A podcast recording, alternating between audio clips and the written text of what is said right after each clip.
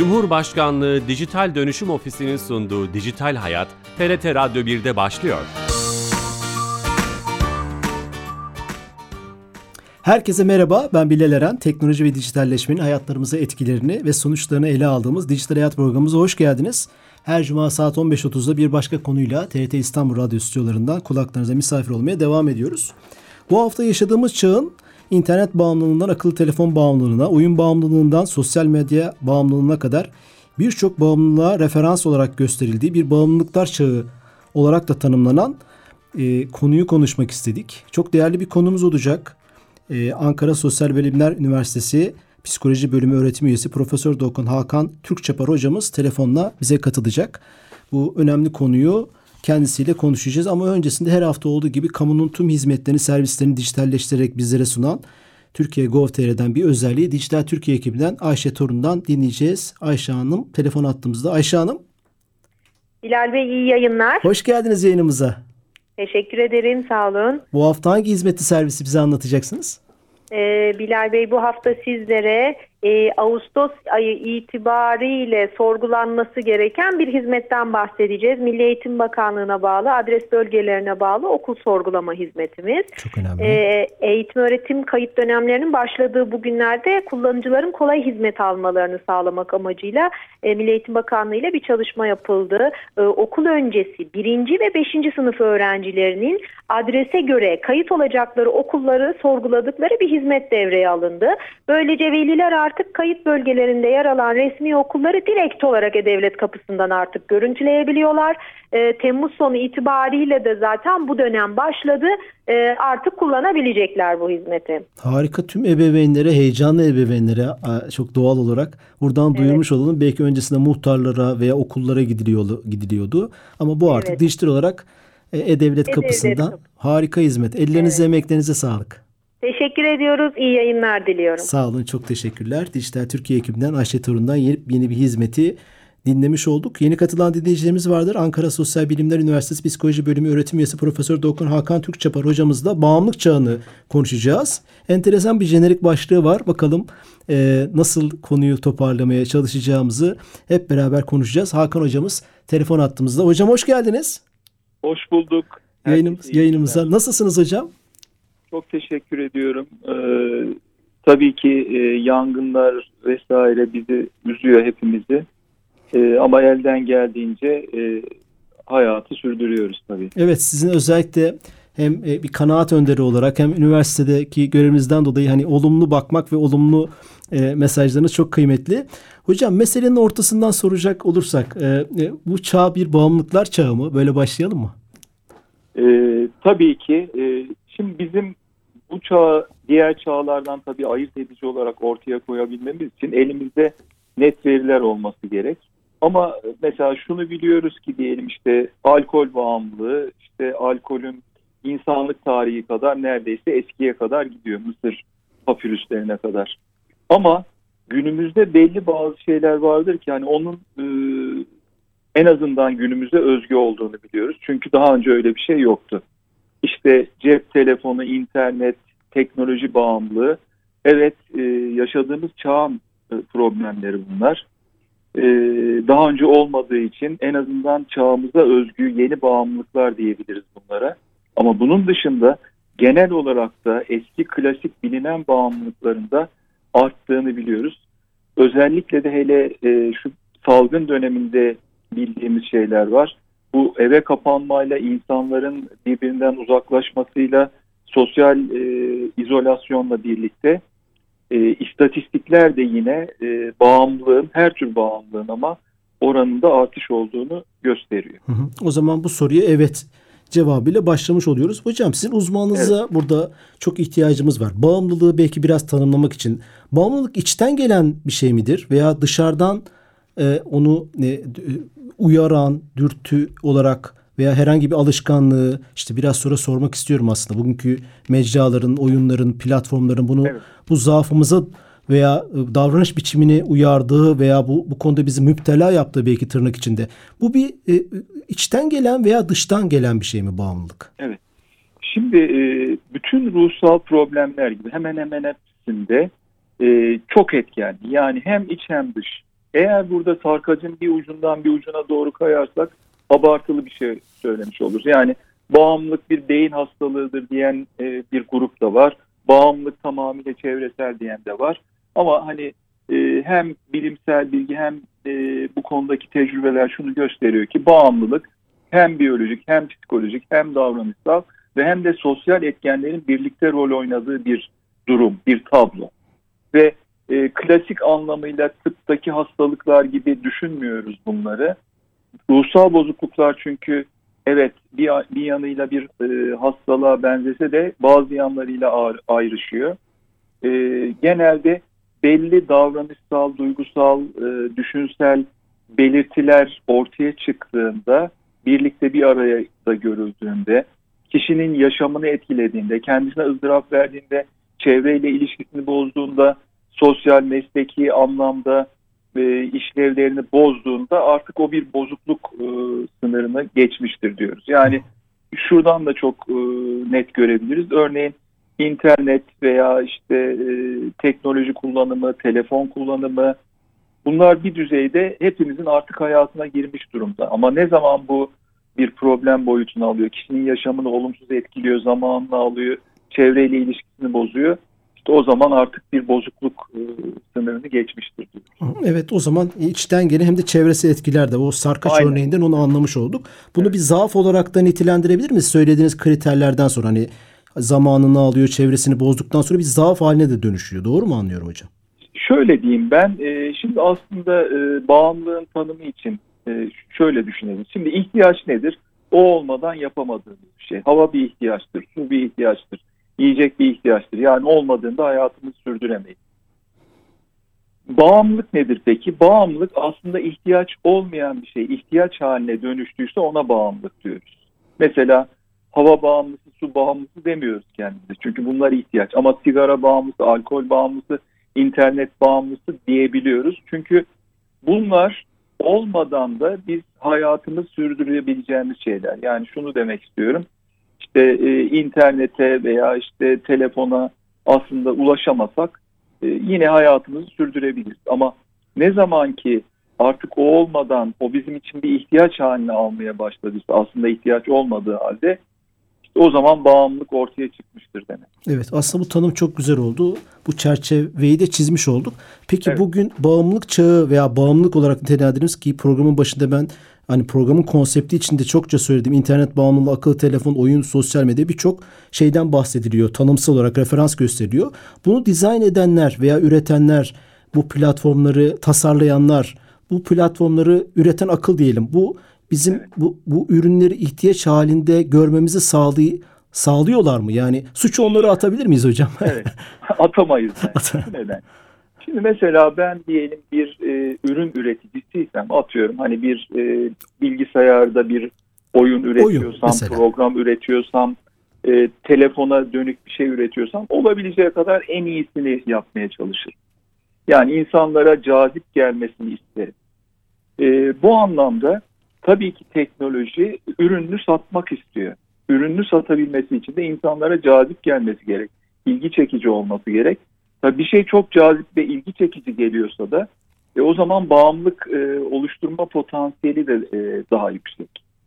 E, ama dediğim gibi e, burada e, topu sadece onlara niye atamıyoruz? Çünkü bu teknolojiye, internete e, muhatap e, pek çok insan var ama he, hepsinde bağımlılık gelişmiyor e, bu bağımlılık gelişmesi işte kişideki belli bazı psikolojik zaaflarla örtüşüyorsa e, oluyor. E, diyelim kişinin ruhsal bir sıkıntılı, e, bunalımlı dönemi olabilir. O e, kullandığı teknoloji ya da bağımlı olduğu madde onu o sırada yatıştırıyor olabilir, kafasını dağıtıyor olabilir, kendisini iyi hissetmesini sağlıyor olabilir. O zaman da ne oluyor? ona bağımlı olma olasılığı artıyor. Ama bağımlılık diyebilmemiz için işte o davranışın çok belirgin olması gerek, zaman alıcı olması gerek. Onu kullanmadığında ruhsal olarak e, ya da yapmadığında çok rahatsız olması gerek. Giderek daha fazla miktarda e, onunla meşgul olması gerek. O olmadığında yoksunluk çekmesi gerek.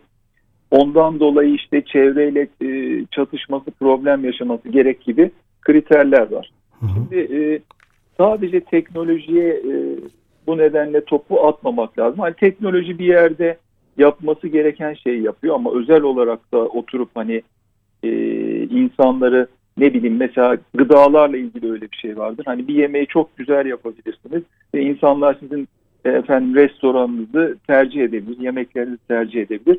Ama onun içine işte özellikle insanların tat duyusunu e, böyle daha tatmin edecek bir takım kimyasallar katıyorsanız orada kötü niyet e, devreye girer diye düşünüyorum.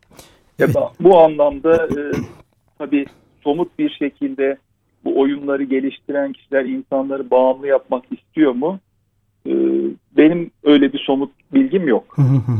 bu hocam bu yoksunluk ve e, bununla ilgili tabii bilimsel araştırmalar siz bizden çok daha hakimsiniz. Ben de bir araştırma takip etmiştim.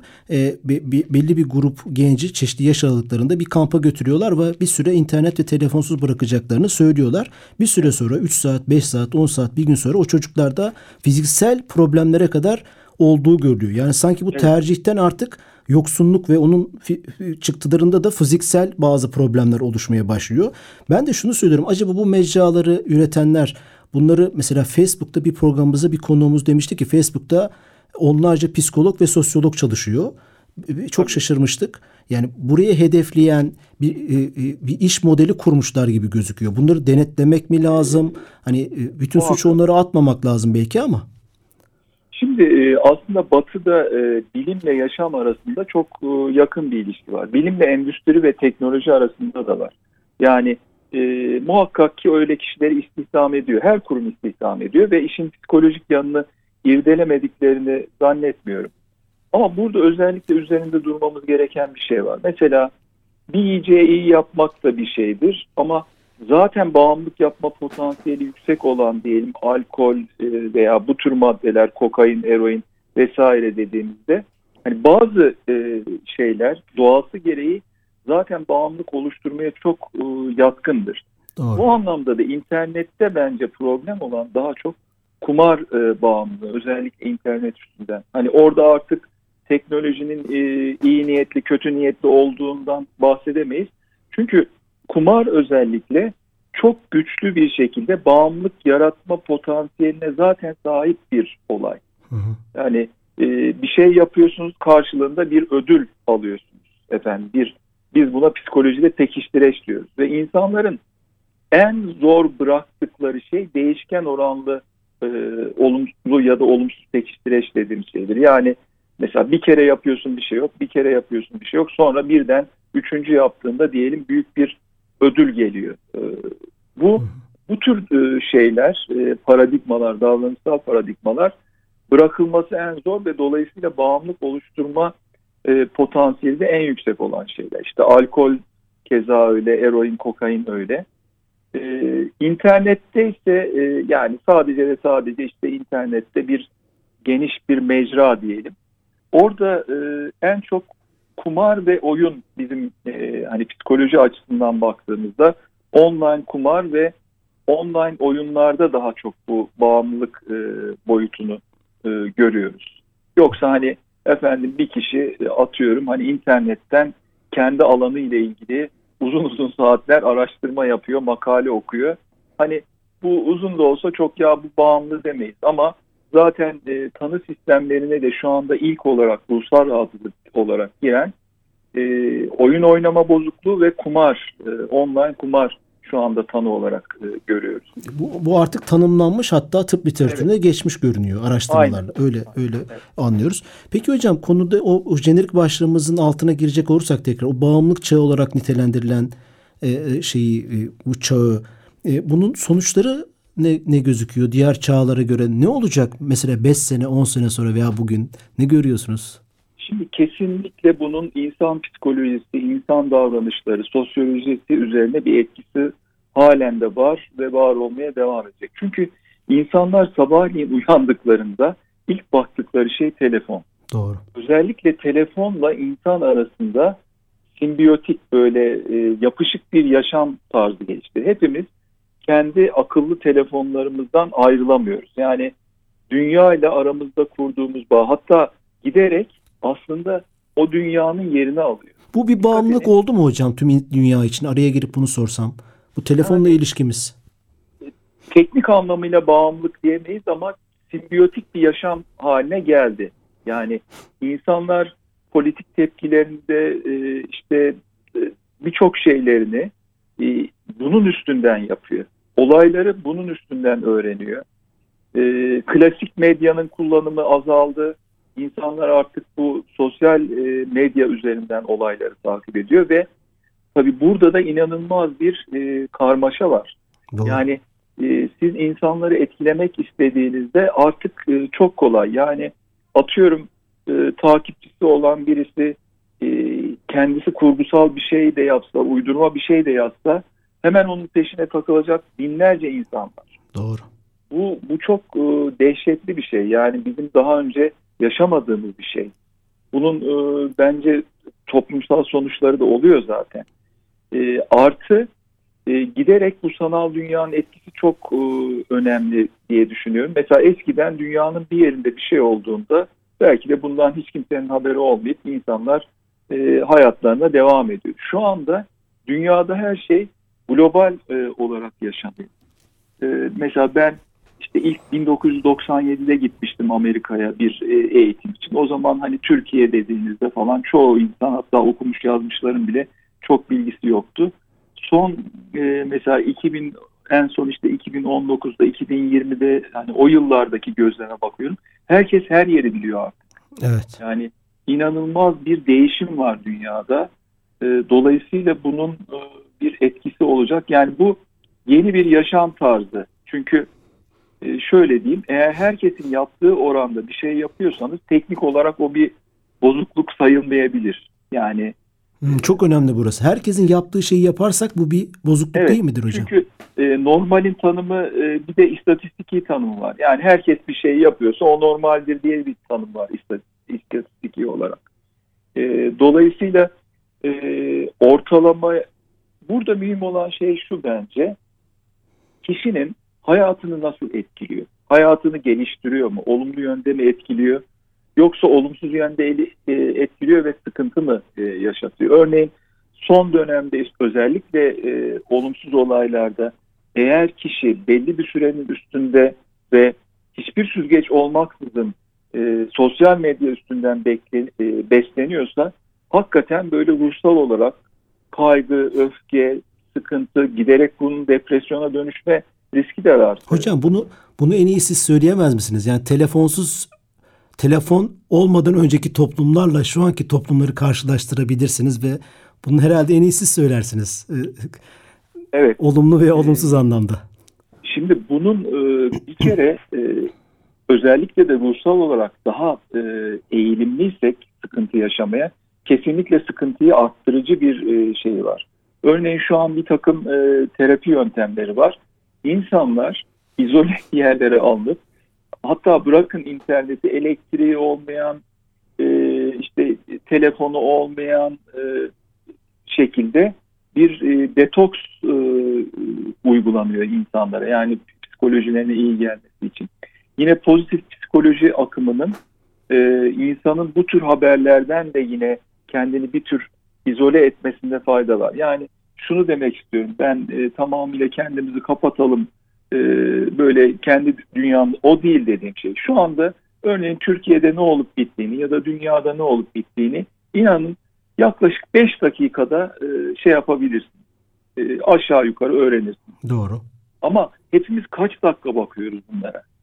50 dakika, 60 dakika belki toplasanız daha da fazla. Bunun tamamı bize bir informasyon vermiyor. Bizde artık bu bir e, toksik e, etki yaratıyor. Onun için muhakkak sınırlamamız gerek bunlarla temasımızı ve süzmemiz gerek. Ben bakıyorum e, mesela e, insanların takip ettiği kişi sayısına bin kişi, 1500 kişi, 2000 kişi, 10 bin kişi takip ediyor. Hani ben e, yaklaşık 90 kişi takip ediyorum. 94 kişi takip ediyorsunuz hocam. Baktım evet. Twitter'da. ve bunların da çoğu resmi ve güvenilir şeyler, kurumlar. O 94 kişiye bile bakmıyorsunuzdur bence hocam. Yani o duvarınıza onlar gelmiyordur yani Tabii. her gün. Yani e, bir şey mi? Bir, bir noktadan sonra çünkü birbirinin tekrarı artı dediğim gibi insanın e, en önemli şeyi bir etki bırakmak. Yani bir etki oluşturayım.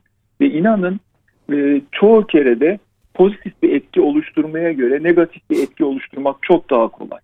Niye kolay? Çünkü insan beyninin özellikle negatif ve olumsuz olaylara karşı bir eğilimi var. Bizi daha çok etkiliyor onlar. O zaman da ne oluyor? İşte internette şurada burada e, insanlar kendini tatmin ediyor. Mesela bilgisayar virüsü. Niye yazar insan? Ya da bir takım e, spam olan mailler geliyor. İşte şu tarihte şu olacak. Telefonunuza şu oyunu indirmeyin. Uyduruk. Doğru. Ama onu insanların birbiriyle paylaştığını bilmek, okuduğunu bilmek, hatta okuduğunda etkilendiğini bilmek inanılmaz bir psikolojik doyum e, sağlıyor bu insanlara. Bizim yapacağımız şey onlara bu e, bence şansı tanımamak. O zaman da o davranış çekişmemiş olur. Etki oluşturdukça da çekişiyor ve sıklığı artıyor bu şey. Hocam sonuçları sormuşken mesela siz daha iyi gözlemler, bilimsel gözlemler de sonuçlar, araştırmalar da elinizde vardır. Bir oyun oynadıktan sonra bir gencin durumunu veya Twitter'a baktıktan sonra bir vatandaşın e, psikolojisini mutlaka ölçmüşlerdir. Hiç iyi sonuçlar en azından ben gözlem hani elimde bilimsel bir araştırma yok ama hiç iyi gözlemler de bulunmadım. Hatta bu sene Oxford Twitter'da vakit geçirildiği için yılın kelimesi olarak doom scrolling diye bir şey felaket evet. kaydırması olarak nitelendirmiş. Yani o kaydırdıkça elimizi felaketlerin önümüze düştüğünü tanımlayan bir kelimeyi evet. seçmiş yılın kelimesi olarak. Hani bu gözlemlerime katılır mısınız? Bunun siz ne dersiniz uzmanı olarak bunun? Ee, şimdi e, belli mecraların kendine göre de bir psikolojisi var benim e, düşüncem. Mesela Twitter'da çok saldırgan veya çok negatif bir şey ağırlıkta. Çok. Niye? Çünkü o sözcük kısıtlaması bunu getiriyor. İnsanlar az sayıda sözcükle bir şeyleri anlatmaya çalıştığınızda daha kestirmeden gidersiniz, daha sloganik konuşmaya başlarsınız. Ee, hani kaba tabiriyle karşıdakine bir laf geçirme, onu işte halt, halt etme, etme. Halt etme. Ee, hep bu şey var.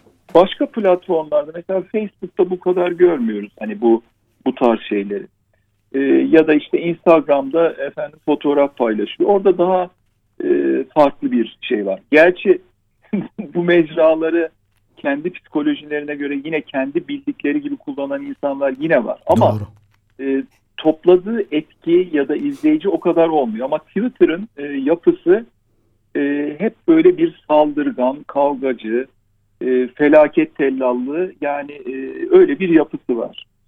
Şimdi e, burada bizim e, bilinçli olmamız gerek. E, yani biz bilinçli olmazsak ki genel olarak bizim insanımızın yazılı materyale çok e, saygısı vardır ve inancı vardır. Maalesef işte bu e, yeni mecralarda e, istismar edilmeye çok müsait bir şey.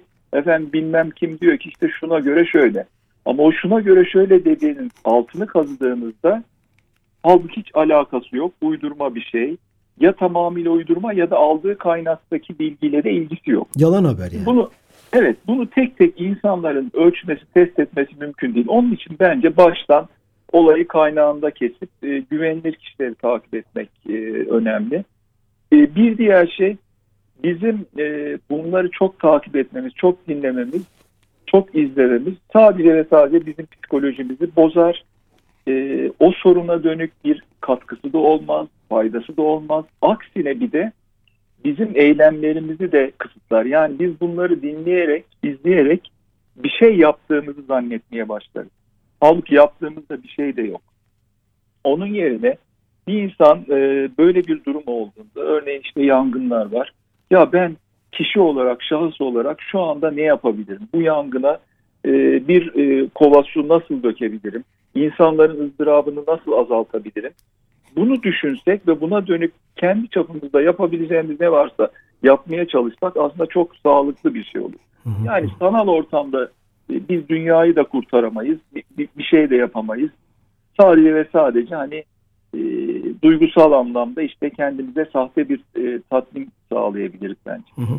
Aslında ben hocam son e, son 2-3 dakikada bu neler yapabiliriz? Bu bağımlılık çağının e, fotoğrafı karşısında, etkileri karşısında soracaktım. Siz onun e, birkaç ben, tane cevabını e, verdiniz bireysel şey anlamda. Söyleyeyim e, o konuda. Şimdi e, bu e, ev bilgisayarlarının, masaüstü bilgisayarların çıktığı dönemden gelen biriyim ben dinozor. Hı hı. Hani ilk masaüstü bilgisayarımı aldım işte 80'lerin e, 90'ların başında. E, o bilgisayarla birlikte de bir oyun geldi. Bir e, adını söylemeyeyim. Neyse ben de arada oynuyorum. Sonra sonra fark ettim ki ya uzun uzun o oyunda vakit geçirmeye başladım. Ve ben e, o oyunu sildim. Ondan sonra da bilgisayarıma hiçbir zaman oyun yüklemedim. Şu anda da hiçbir bilgisayarımda oyun yoktur, telefonumda da. Çünkü hani o eğilimi e, şey yapsak belki de o potansiyel bende de var. Belki ben de bağımlı olurum. Ama e, ona bir dur demek lazım. Yani bizim muhakkak bu konuda kendimize bir otokontrol geliştirmemiz gerek. Ve bu geliştirilebilir bir şey. Yani davranışsal olarak bizim daha o davranış yerleşik hale gelmeden, pekişmeden kaynağında e, kesmemiz önemli. Çocukların, gençlerin özellikle bu anlamda çocuklar özellikle ne kadar geç tanışırlarsa o kadar iyi bence. Ha, bu çok kritik. Ne kadar geç tanışırlarsa o kadar Evet. iyi. O kadar iyi. Çünkü hani efendim e, bu çocuk geç tanıştı işte bilgisayar, telefon kullanamıyor. Yani böyle bir risk yok. O e, mümkün olduğunda geciktirmekte. Çevresel dışlanma etkileri olabiliyor bazen hocam değil mi? Okuldan, çevresinden dışlanabilir. E, şöyle bir şey okulu bırakın hani e, daha e, işte mama sandalyesinde oturan e, iki yaşındaki çocuğun e, önüne iPad koyup ya da eline telefon verip hani çocuk onunla meşgul olsun da e, biz e, birazcık kafa dinleyelim diye yapılıyor. Yani benim Doğru. kastettiğim bu tür şeyler. Çünkü o ışıklar albeni hani çocuğun dikkatini çekip susturuyor olabilir ama daha sonra işte yavaş yavaş o alışkanlık gelişiyor. Kesinlikle bizim bu konuda e, çocukları bilinçlendirmemiz gerek. Çocuğumuz neye giriyor, nereye çıkıyor, neyle oynuyor, kiminle oynuyor, hangi oyunu oynuyor takip etmemiz Takip gerek daha sonraki lazım. yaşlarda da. Süre kısıtlaması koymamız gerek. Yani bağımlılığın en e, yerleşmemesi için sürekli bir mücadele halinde olmamız gerek. Çünkü beyinsel olarak, yapısal olarak bizde var olan bir potansiyeli istismar ediyor. O potansiyel var olduğu için bizim sürekli o konuda teyakkuz halinde güzel. olmamız. Hocam e, son jenerik cümle çok güzel oldu. Mücadele, hep mücadele etmemiz gerekiyor. Hocam ağzınıza, emeklerinize, düşüncelerinize sağlık, şeref verdiniz. Estağfurullah. Çok teşekkür ederim. Sağ, Sağ- olun. sağ İyi olun. programlar diliyorum. Çok sağ olun hocam. Çok teşekkürler. Ankara Sosyal Bilimler Üniversitesi Psikoloji Bölümü öğretim üyesi Profesör Doktor Profesör Doktor Hakan Türkçapar hocamızla bağımlılık çağını konuşmaya çalıştık. Tanımlamaya çalıştık.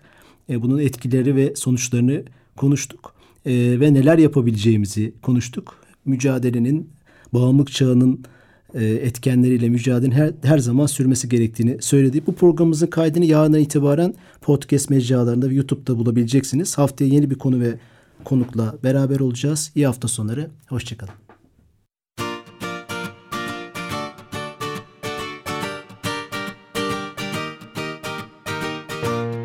Cumhurbaşkanlığı Dijital Dönüşüm Ofisi'nin sunduğu Dijital Hayat, TRT Radyo 1'de sona erdi.